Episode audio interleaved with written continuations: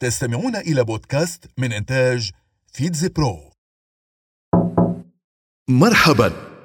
أنا جني آلة الزمن. سآخذك في ثلاث رحلات.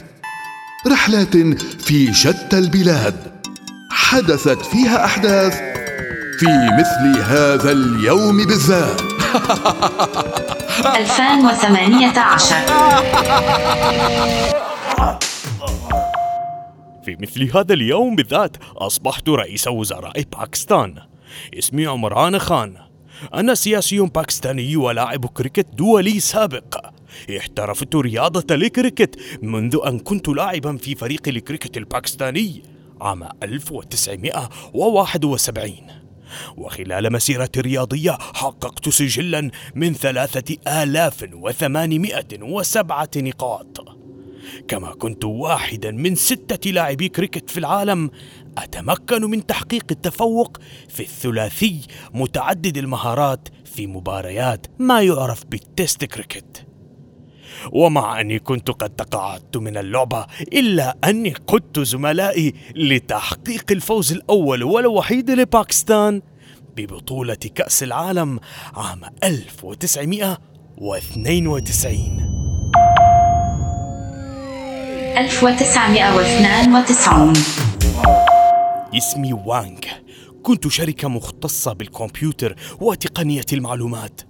تأسست عام 1951 وفي مثل هذا اليوم بالذات بعد حوالي أربعين عاما. تم الإعلان عن إفلاسي استحوذت علي شركة وانغ جلوبال بعد أن خرجت من الإفلاس. لاحقا. تم بيعي إلى شركة هولندية في نهاية التسعينيات. وفي عام 2007 صار اسمي كومبيو كوم. مررت بمراحل عديدة وبخطوط إنتاج مختلفة فتخصصت بأجهزة التنضيد والآلات الحاسبة ومعالجات النصوص. ثم عملت في أجهزة الكمبيوتر وآلات النسخ وطابعة الليزر. آه لا زلت أذكر أيامي الذهبية في فترة الثمانينيات. كيف كنت شركة رائدة حينها؟ وكان يعمل بي أكثر من ثلاثة وثلاثين ألف شخص. أوه على تلك الأيام. 1920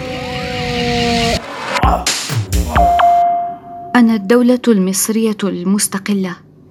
تم إنشائي عام 1922 في عهد أسرة محمد علي باشا. لا أخفيك سرا كان وضعي شديد التعقيد في تلك الفترة فأنا بلد انفصل عن الإمبراطورية العثمانية ثم احتله البريطانيون وحولوني إلى سلطنة ومحمية بريطانية إبان الحرب العالمية الأولى.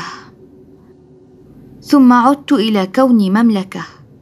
لكن الإنجليز احتفظوا بالسيطرة على الكثير من شؤوني الداخلية.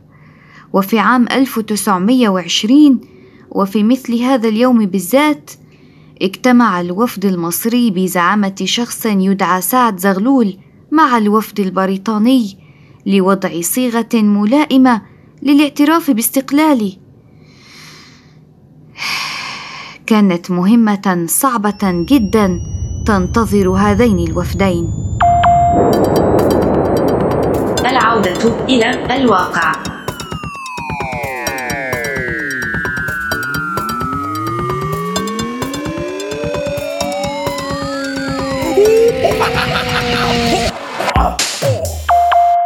استمعتم إلى بودكاست من إنتاج فيتز برو